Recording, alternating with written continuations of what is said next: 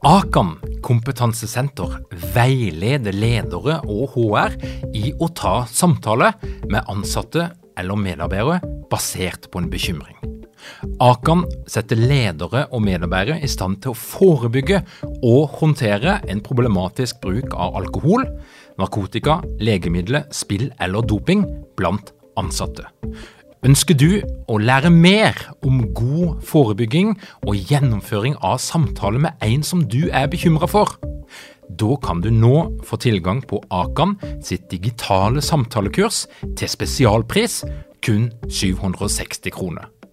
Målet med kurset er å gjøre deg tryggere i det som kan være en krevende, men viktig samtale å ta i lederrollen. Du får tilgang til kurset med å gå til samtalekurs.no, samtalekurs.no, og bruke kampanjekoden LEDERPODDEN. Tilbudet gjelder ut april.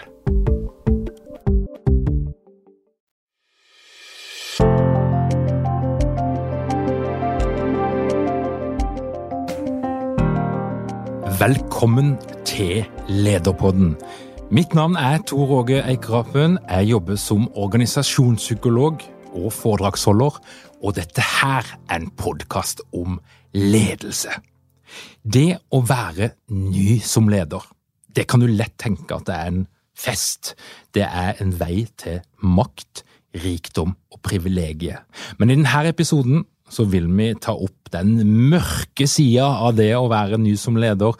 Alle problemene, kompleksiteten, det som gjør at du ikke får sove om natta, og kanskje noen små råd om hvordan du kan håndtere det best mulig. Velkommen til Lederpodden, Dag Nordbø. Takk. Min gode kollega og makker har etter hvert et betydelig antall års erfaring, både som leder og som rådgiver og fortrolig med mange ledere.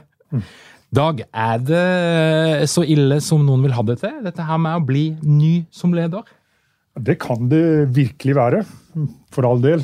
Her er folk forskjellige, men du verden, altså. Det kan være en skikkelig vekker for noen. Selv om du ikke beveger deg ut av ditt uh, vanlige miljø, men bare skifter posisjon, kanskje det aller tyngste, så kan det Ja, mange får seg noen aha-opplevelser. De har jo ment mye om den lederen som er borte, og som de overtar for. Så plutselig ser de Oi, dette var kanskje ikke så enkelt som jeg hadde trodd.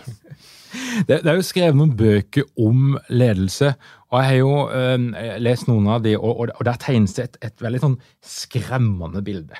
Altså det, er, det er to uh, karer som heter Frode og Frode, som har skrevet en bok som heter På randen av ledelse. og Den bygger uh, en del på en bok av en som heter Lauren Hill fra Harvard, som, som har skrevet en bok som heter Becoming the Leader. og De, de, de tegner et mørkt bilde. altså. Her skal du være forberedt på at dette her kommer til å bli vanskelig. Og jeg tenker jo at det, det kan være greit å være litt forberedt, men la oss starte med begynnelsen folk er motivert av ulike ting. Mm. Hvilke innganger er det da til å bli leder? Altså, Hvilke type motivasjoner er det som er i spill når folk velger å takke ja eller å søke en lederstilling? Ja, Det er et super, superinteressant spørsmål, egentlig. Fordi jeg tror mange av oss tenker at, uh, at det er ikke så veldig uh, tiltalende at du har veldig lyst til å bli leder. Altså, i, vår, i, vår, i, vår, i, vår, sammenheng og i, kanskje i vår kultur så er, det å liksom være litt uh, å være litt sånn på det jevne, være kompis, venn, venninne, uh, ikke tro at du er noe. Det er så høyt skattet at de som virkelig har det i seg, ønsker å gjøre karriere og komme opp, blir litt sånn uh, uglesett. Men, men det, da spør jeg meg sjøl er ikke det bra, da? At du virkelig er motivert til å ta ansvar? Og at du har jobbet hardt for å komme dit? Ja, for det, det, er liksom, det, er ulike innganger. Altså, en kan tenke at eh, ledere søker ledelse for å få makt, for å påvirke, for å være en del av de som bestemmer. Det er jo, det er jo legitimt, er det ikke det? Jeg syns det er helt supert. Og når jeg har kurs for um, nye ledere, så spør jo så spør vi jo om det. Det gjør du og det gjør jeg. Hvorfor er dere ledere? Og da syns jeg alltid det er fantastisk flott når noen sier at Ja, Det er fordi jeg egentlig er veldig glad i makt. har, lyst, har lyst til å få gjennomført ting. Og de, de, som tør å si det, da blir alltid en svær diskusjon da, om det er lov å si eller ikke. Jeg gir dem full støtte. Det er for all del ikke de som har lyst til å herse med folk, eller har lyst til å, å, å drive en eller annen form for maktmisbruk. Det, det har vi jo snakka om tidligere. at det er, det er, ikke det vi snakker om. Men det å, det å ha en sånn drive til å få gjennomført ting, ha ideer, ønske å gi jernet jeg har mye mer sans for det enn de som sier at nei, altså, det var ingen andre som søkte en stilling, så til slutt så lot jeg meg overtale, så her er jeg.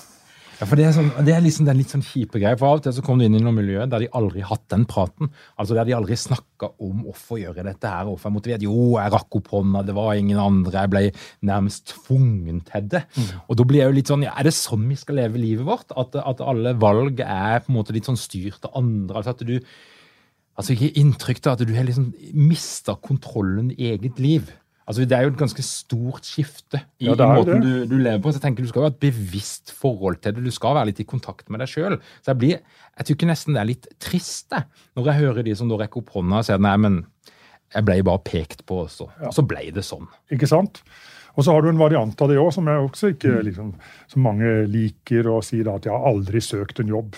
Jeg har bare blitt spurt. Så ligger det litt sånn der eh, selvskryt i det. da. Man er jo så ettertraktet at man har aldri trengt å melde seg. Folk har bare pekt på det.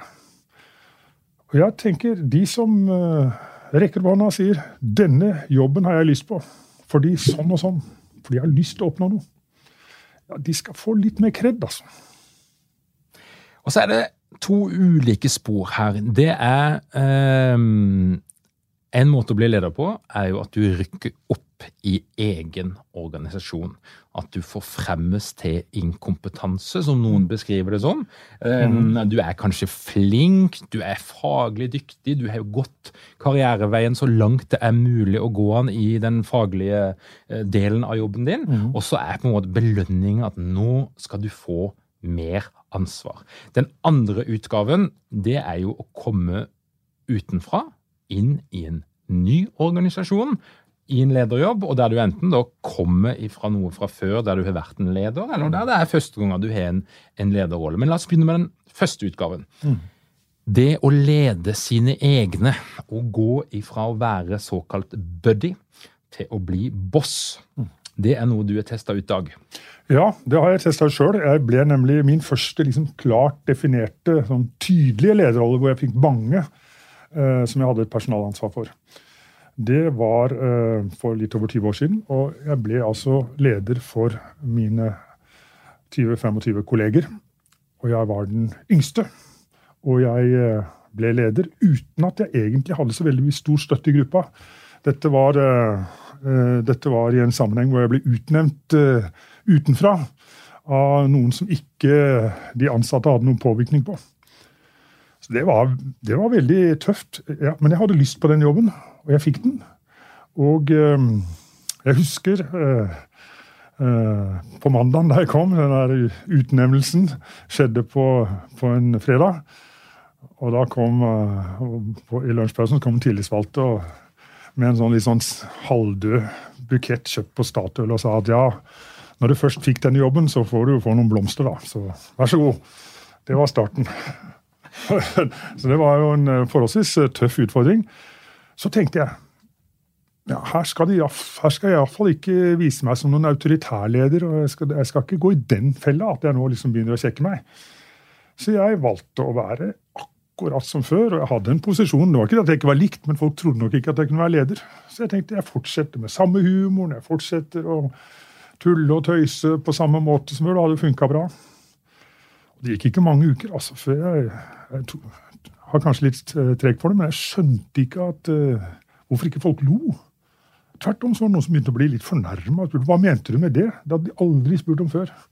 Så jeg gikk i den klassiske fella, Tor Åge, at jeg ikke skjønte at jeg hadde skifta posisjon.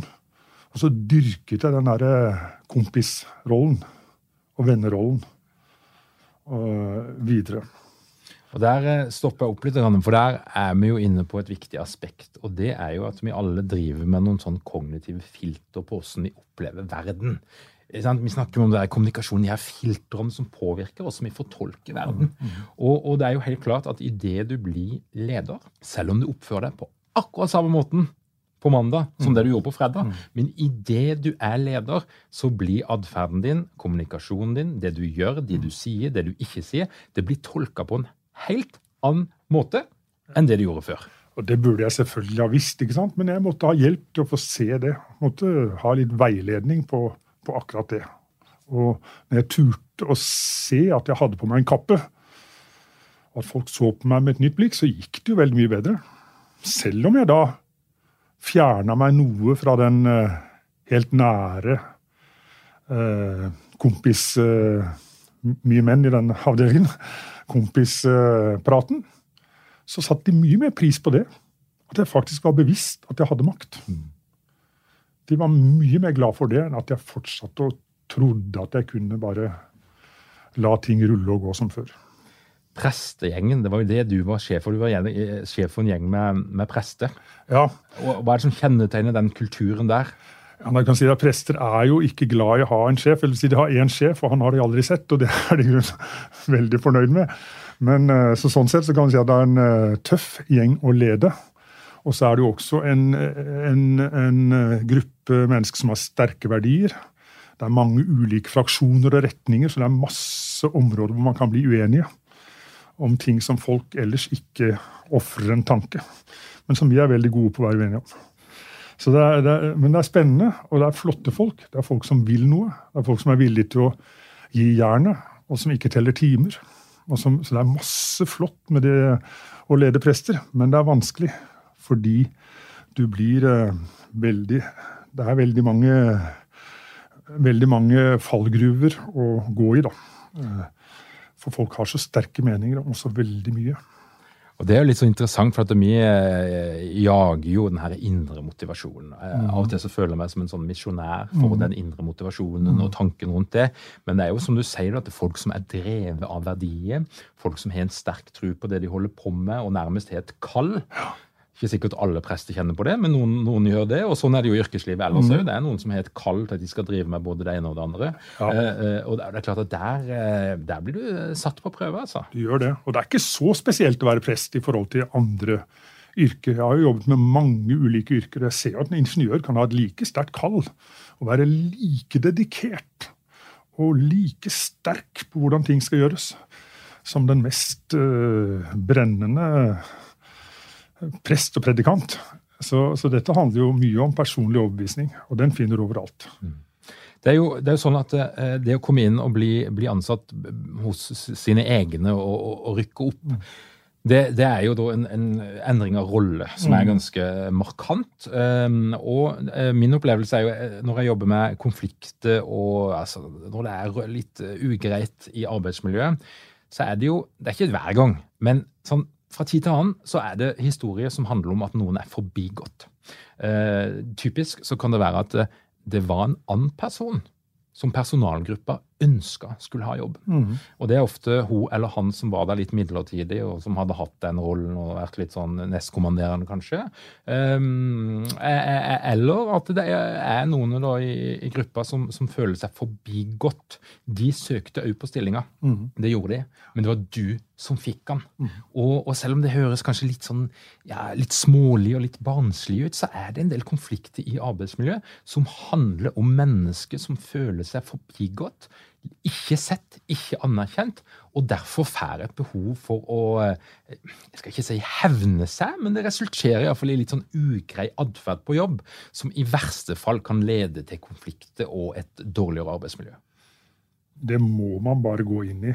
Nå høres det ut som jeg har hatt en haug med jobber og liksom bobler over av erfaring, men jeg har faktisk vært i den situasjonen nå. At jeg fikk en jobb uh, på bekostning av uh, han som hadde fungert i den. Og vi begge to skulle fortsette i samme, i samme avdeling og drive med det samme og være Og jeg ble hans nærmeste leder. Det var Det var en tøff eh, etappe. Men jeg eh, sier ikke at vi løste den perfekt. Men eh, da hadde jeg vært Det var ikke min første lederjobb. Jeg hadde skjønt at man må snakke. Så noe av det første vi gjorde, var å, å bestemme oss og sette oss ned, bare vi to, og snakke om hvordan opplever vi dette. Det var jo ikke jeg som hadde utnevnt meg sjøl. Altså, det var jo noen andre som hadde tatt den avgjørelsen som han syntes var kjempedårlig. Eh, men, men vi satte ord på det og sa hva gjør vi med dette? Begge har jo tenkt å fortsette å jobbe her. Og så la vi en plan for det. Bare, bare den samtalen, som varte to-tre timer, den førte til at vi ikke gikk i skyttergravene. Vi satte ord på det og snakket om hvilke utfordringer vi to kom til å møte de neste ukene og de neste månedene. Den der er tøff, altså. For det er, jo, det er jo, noe sånn Det er jo noe sårbarhet i dette her. Ja, altså, det, altså, det å fortelle at jeg føler meg forbigått, jeg føler at jeg, jeg ble valgt vekk, rett og slett. Mm. Som vi er jo tilbake på fotballaget. Hvem er det som skal være med og spille her, og hvem skal ikke? Altså, det er en avvisning som òg er vanskelig å snakke om, for da blir vi jo plutselig et følelsesmenneske, og vi viser følelser som vi egentlig ikke har lyst til å vise på arbeidsplassen. Så det er jo, det er jo krevende greie. Ja, det er kjempekrevende. Og i det tilfellet jeg nevnte nå, så var det ikke takket være meg at dette gikk bra. Det var jo like mye min kollega, som altså hadde blitt ditcha, som viste storsinn. Og som gikk inn i dette på en veldig skikkelig måte. Men jeg tror nok at det at jeg tok initiativ veldig raskt til å si dette, jeg har lyst til å høre hvordan du har det. Hvordan er det å bli, oppleve å bli så dårlig behandla? Og jeg kunne faktisk gå så langt som å si at jeg skjønner også at du er skikkelig provosert. Jeg forstår det godt. Det, det hadde jeg vært òg. Så jeg, jeg har veldig tro på at man eh, Det er jo en av de tabbene som nye ledere faktisk gjør, også gamle ledere, faktisk. Det er jo at den type samtaler utsetter man, eller man tar dem ikke.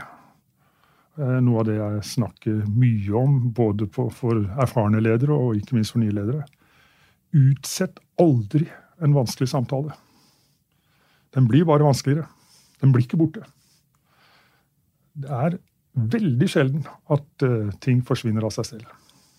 Eller ordner seg selv. Og er, hvis du tenker på denne eh, kommunesammenslåinga som har vært, den er jo spennende. For der er det jo en situasjon der, der, der det er mange ledere som blir til overs. Mm -hmm. uh, og det er, det er, Jeg vil jo anta, da Vi er jo litt sånn, vi er jo inne litt her og der, og vi, vi har litt sånn kjennskap, men vi sitter ikke akkurat midt i det. Men det det er jo helt sånn selvsagt at i etterkant av kommune, og kommunal- og regionsreformen så ligger det jo da en hel haug med konflikter strødd rundt forbi, som handler om noen, altså ganske mange, har blitt forbigått. Mm. Og jeg tenker jo at det, Er det sånn at du bør ta høyde for de her tingene? Altså Når du skal slå noe sammen, Eh, og der du vet at det her vil da det, vil, det, er bare plass til x antall ledere, mm. og det er dobbelt så mange som er til over, som ikke kan få jobben. Mm. Eh, bør en ta høyde for det? Altså, Hvordan skal vi håndtere dette? her? Hvordan skal vi ta vare på de som ikke fikk jobben? Eller skal vi bare tenke at dette her får folk finne ut av sjøl, og håpe at de er da like voksne som det du og din kollega var? Ja, ikke sant? For Det er jo ofte det man får høre. da. Det er jo voksne folk. De skjønner jo. Og det er klart at det, hvis, hvis tre kommuner blir til én, så skal man ikke ha tre sosialsjefer. Man skal ikke ha tre rådmenn. Ha, altså det, det, er jo ren matematikk, og det er forståelig. Hvis du tenker da at fordi folk skjønner det, så ordner det seg, så tror jeg du tar skrekkelig feil. Altså fordi selv om det logisk er helt klart, når, eh, når det fornuftige kolliderer med følelsen, så vinner alltid følelsen. Og hvis du som ansvarlig eller leder ikke skjønner det, at uh, det nytter ikke å pøse på med mer logikk dersom noen føler seg tråkka på. Da må du anerkjenne de følelsene. Hvis du ikke gjør det, da blir det bare verre.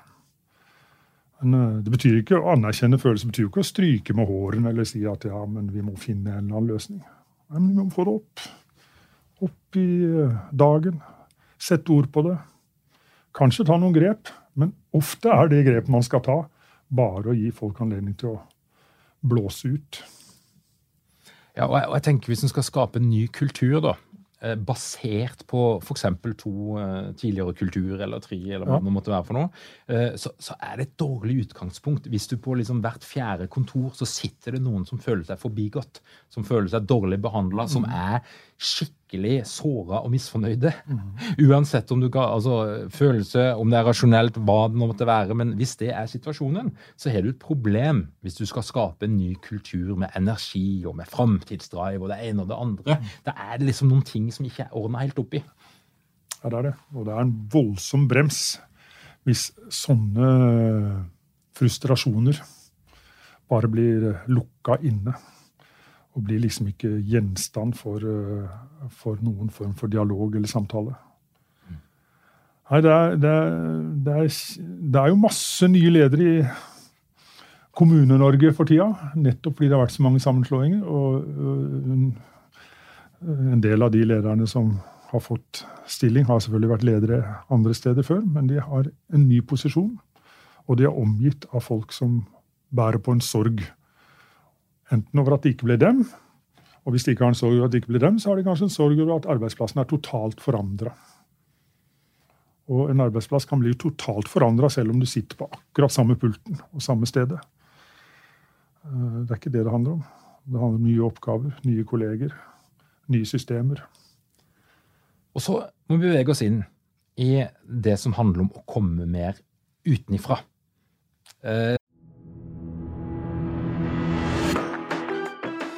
Har mange ledere uten trening eller utdannelse innen ledelse? Mangler dykken en felles kultur og praksis for ledelse? Ønsker dykken å være bedre rustet for fremtidig vekst og endring? Da kan et internt lederutviklingsprogram være en god investering. I Execu er vi eksperter på å designe og gjennomføre bedriftsinterne lederutviklingsprogram. Hvis du ønsker å lære mer om hvordan vi kan hjelpe dykken til å få enda bedre ledere, ta og klikk deg inn på execu.no.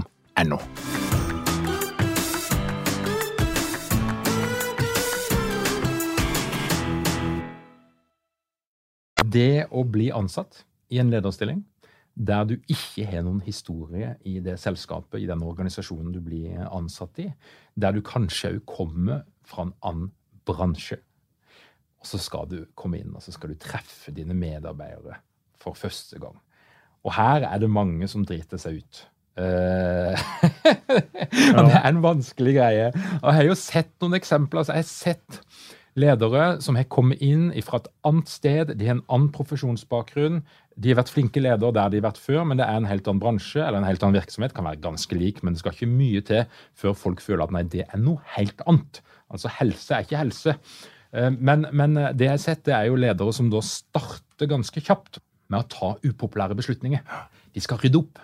De skal få noe på plass. De skal få ting til å, å drives etter regelverket.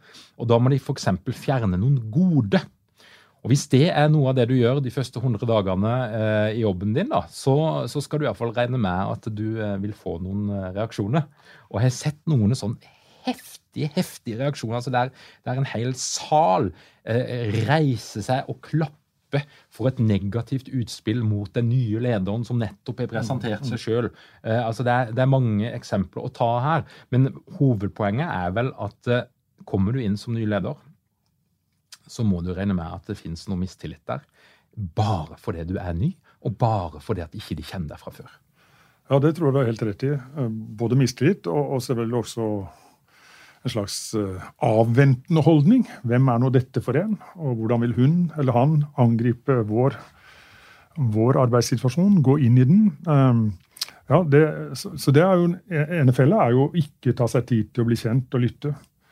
Men en annen felle som også jeg har sett mange ledere gå i, er at de, eh, at de blir eh, veldig opptatt av å fortelle om hvordan de gjorde det der de kom fra. Fordi de ser at eh, erfaringen deres er jo veldig relevant. Og de får høre om og om igjen. og det, det er igjen tilbake litt i sånn presteverden. Da. Vi pleier å, pleier å si det om disse prestene som har vært ute på misjonsmarken de hadde jo opplevd veldig mye rart da, på Madagaskar og rundt omkring i Kina. og sånn. Og da sa vi, Noen av dem slutta jo aldri å snakke om det. og da sa vi det, Han kom egentlig aldri hjem fra Madagaskar. Han var, han var der. Og det er en del ledere som aldri egentlig bytter jobb. De bytter jobb, men de tar med seg så mye av den gamle erfaringen. Og, og, og prater høl i huet på medarbeidere hver gang det dukker opp et problem, så er det liksom sånn Ja, men du skal høre det at der jeg var, så gjorde vi det slik. Det er også en, um, en skikkelig uh, ledertabbe av nye ledere som kommer utenfra. Og Den tredje tabben, som jeg tenker også er ganske vanlig, det er å snakke om de utfordringene du ser, på en slik måte at du gir de som du kommer til, en opplevelse av at det de har gjort før, har ikke noe særlig verdi. For du har så mange flotte visjoner. Og så tenker du på at med de, den måten du formulerer din visjon på, er egentlig en grunnleggende kritikk av det som har vært før. Der må vi stoppe, altså. For det er jo, eh, der er vi inne på grunnleggende psykologiske behov. Altså tilbake igjen til vårt behov for å bli anerkjent, vårt behov for å føle at vi er verdifulle, vårt behov for å føle at vi har gjort en god jobb. Mm. Og, og, og, jeg har jo sett noen av de der lederne eh, komme inn. Og det er jo en endringskåthet, en lyst, en virketrang, mm. et ønske om å få noe til. Det er positivt i utgangspunktet, mm. men så er det altså sånn at hvis du snakker opp framtida mm. og det nye uten å være eh, relatert til historien, så høres det ut som kritikk. Det høres egentlig ut, når jeg fortolker det, som at du snakker ned, at du kritiserer, at det du sier at det vi har gjort her, så langt i denne bedriften, det er ikke verdt en dritt. Det er kun det nye, det er min måte, og det jeg ser for meg, det er det som er greia. Og når en leder som har gjort dette, en ny leder har gjort dette, får høre det, så vil mange av dem si Nei, i all verden, dette kjenner jeg meg ikke igjen i det hele tatt. Jeg holdt jo bare en inspirert og flammende tale om det jeg tror på. Er ikke det bra, da? De ba jo om å få en fremoverlent leder. Og så kom jeg, og så ble jeg møtt med dette. Det skjer gang på gang. De ser ikke det du snakker om nå. At det å være ha sterke visjoner når du er som, ny som leder, ofte er det samme som at du forteller at det, det gamle er faktisk ganske dårlig.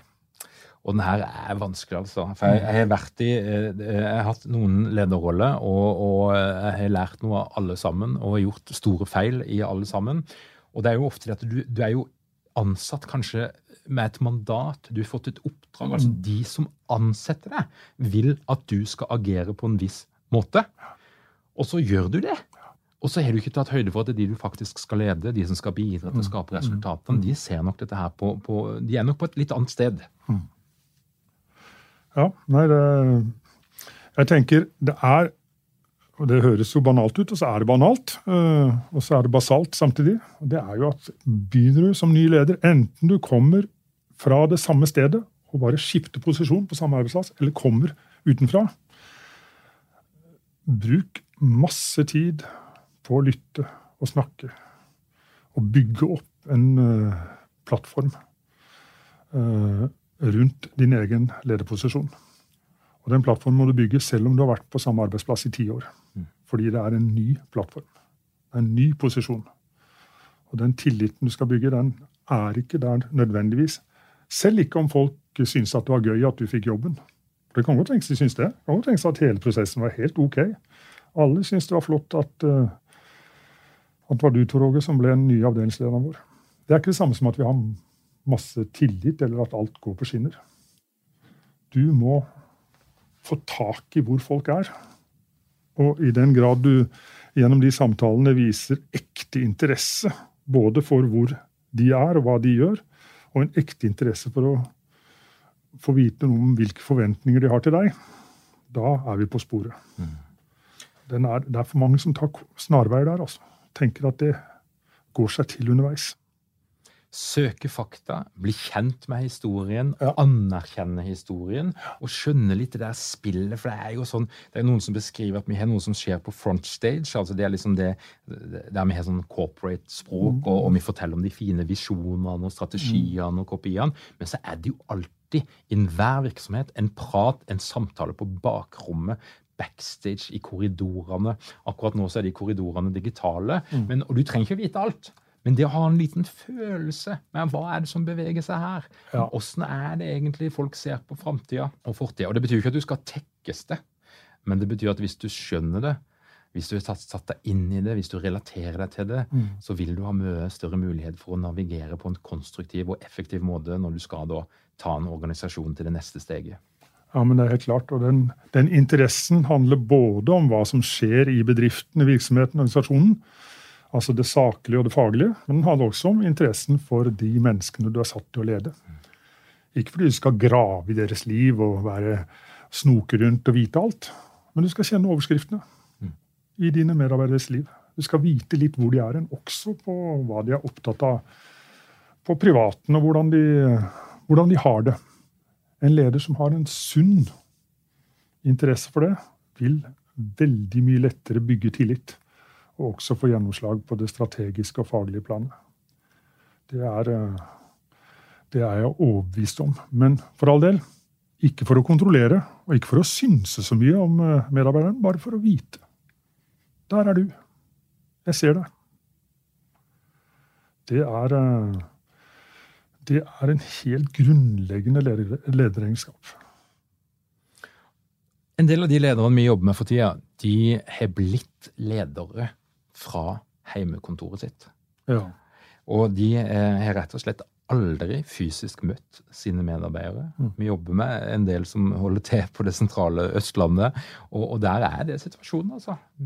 Ansatt som leder i høst.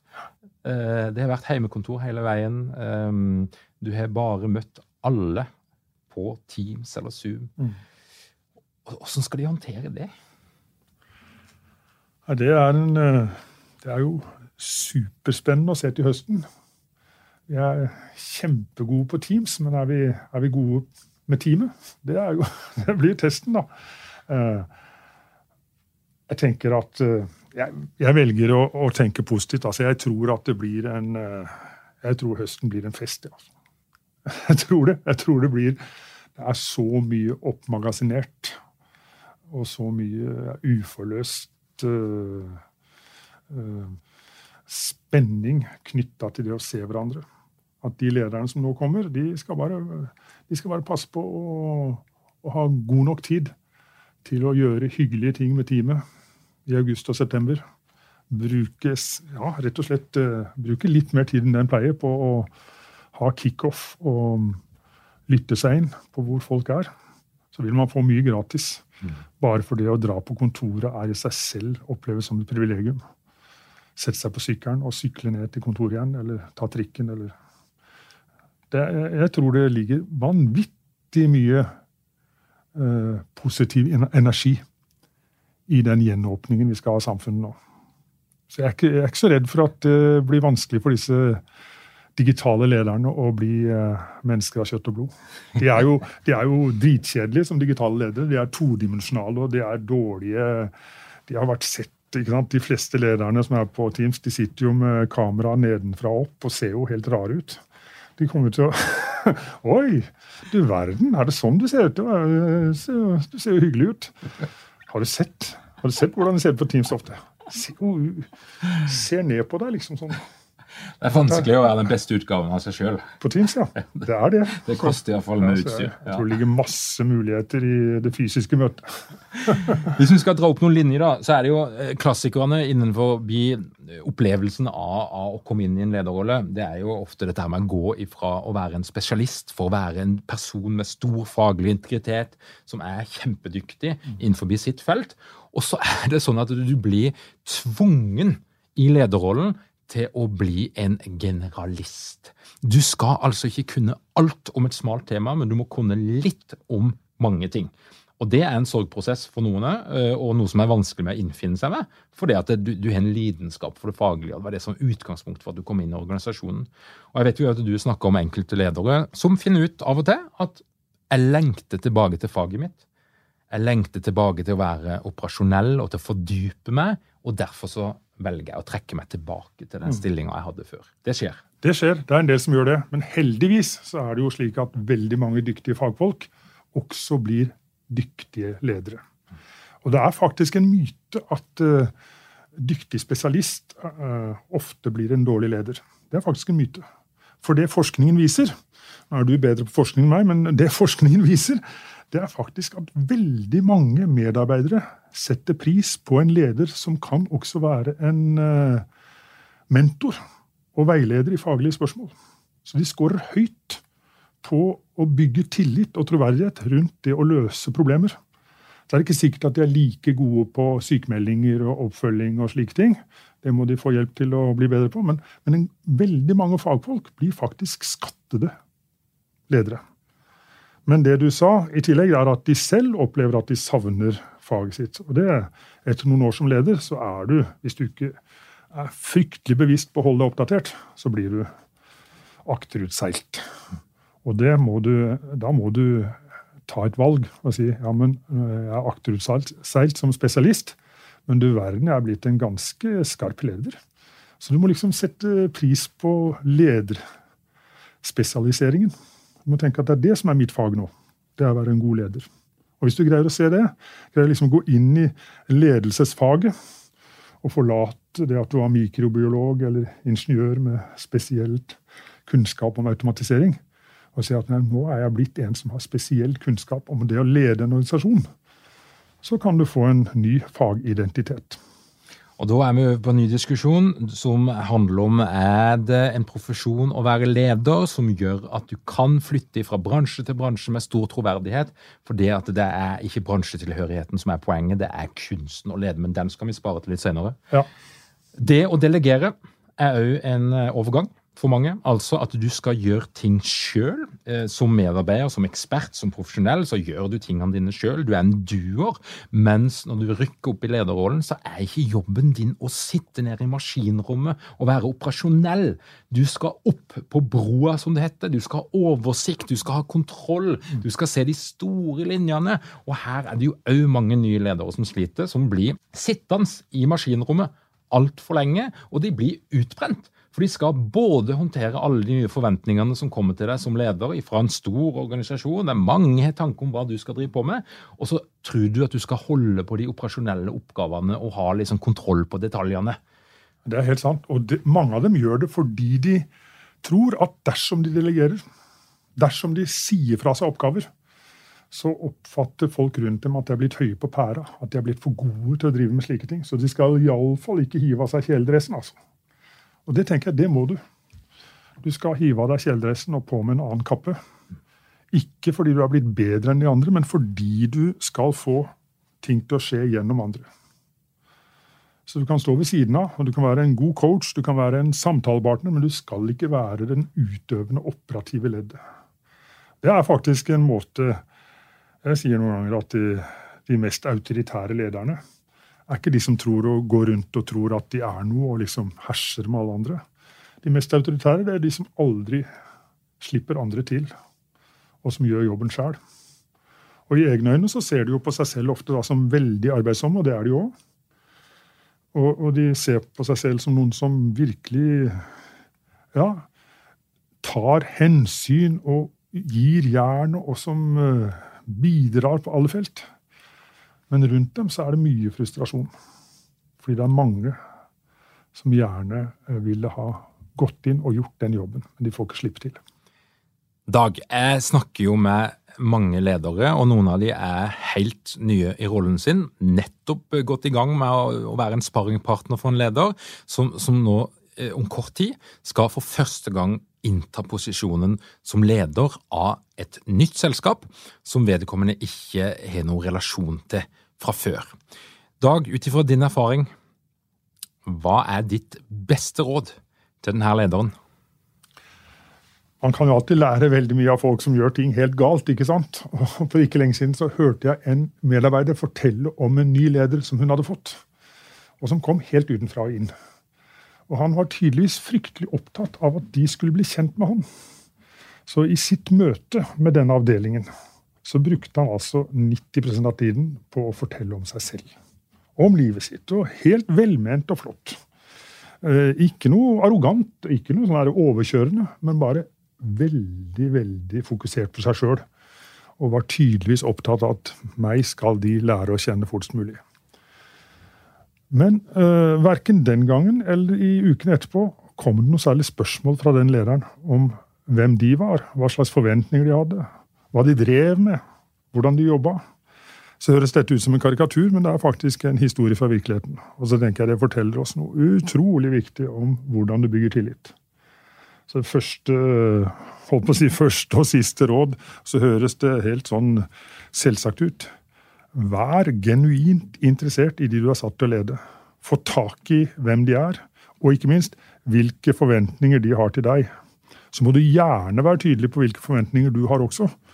Men uh, hvis du begynner med å spørre og være en lyttende og interessert person Det er utrolig mye tillit gjemt i det spørsmålet. Dag, dette her var et veldig godt råd, og vi er jo litt privilegerte, for begge vi to vi driver jo med sånne lederprogram for nye ledere, og der får vi praktisert alt dette her. Det gjør vi. Så hvis det er noen der ute som, som lytter på, som er nysgjerrig på hvordan vi gjør det, så driver vi jo både med digitale og mer tradisjonelle utviklingsprogrammer for nye ledere. Vi må få lov til å reklamere litt for det. Ja, vi må det. Også ikke glem at folk faktisk, folk flest har positive forventninger til en ny leder. De sitter ikke der med garden oppe og skal ta deg. Men gi dem, eh, gi dem opplevelsen at de er viktige. At du er viktig, er det ingen tvil om, men de er viktige. Det blir siste ordet i dagens episode. Tusen hjertelig takk for at du kom til Lederpodden, Dag Nordbø. Takk, fint å være her. Til deg som lytter på, takk for at du hører på Lederpodden. Hvis du har lyst til å bli oppdatert på alt det vi holder på med, eh, vi sender jo blant annet ut et nyhetsbrev hver eneste fredag, og vi driver med webinarer og det ene og det andre, og vi har en del nye spennende ting på gang òg, så er det altså lederpodden.no. Lederpodden.no. Legg igjen e-postadressen din der, så blir du en del av klubben vår, og du får oppdateringer om alt som skjer. Og du har jo lov til selvfølgelig å like oss og gi en liten kommentar der du hører på podkastet, så enda flere kan bli oppmerksom på Lederpodden. Takk for at du hører på Lederpodden, og jeg ønsker deg ei veldig god uke.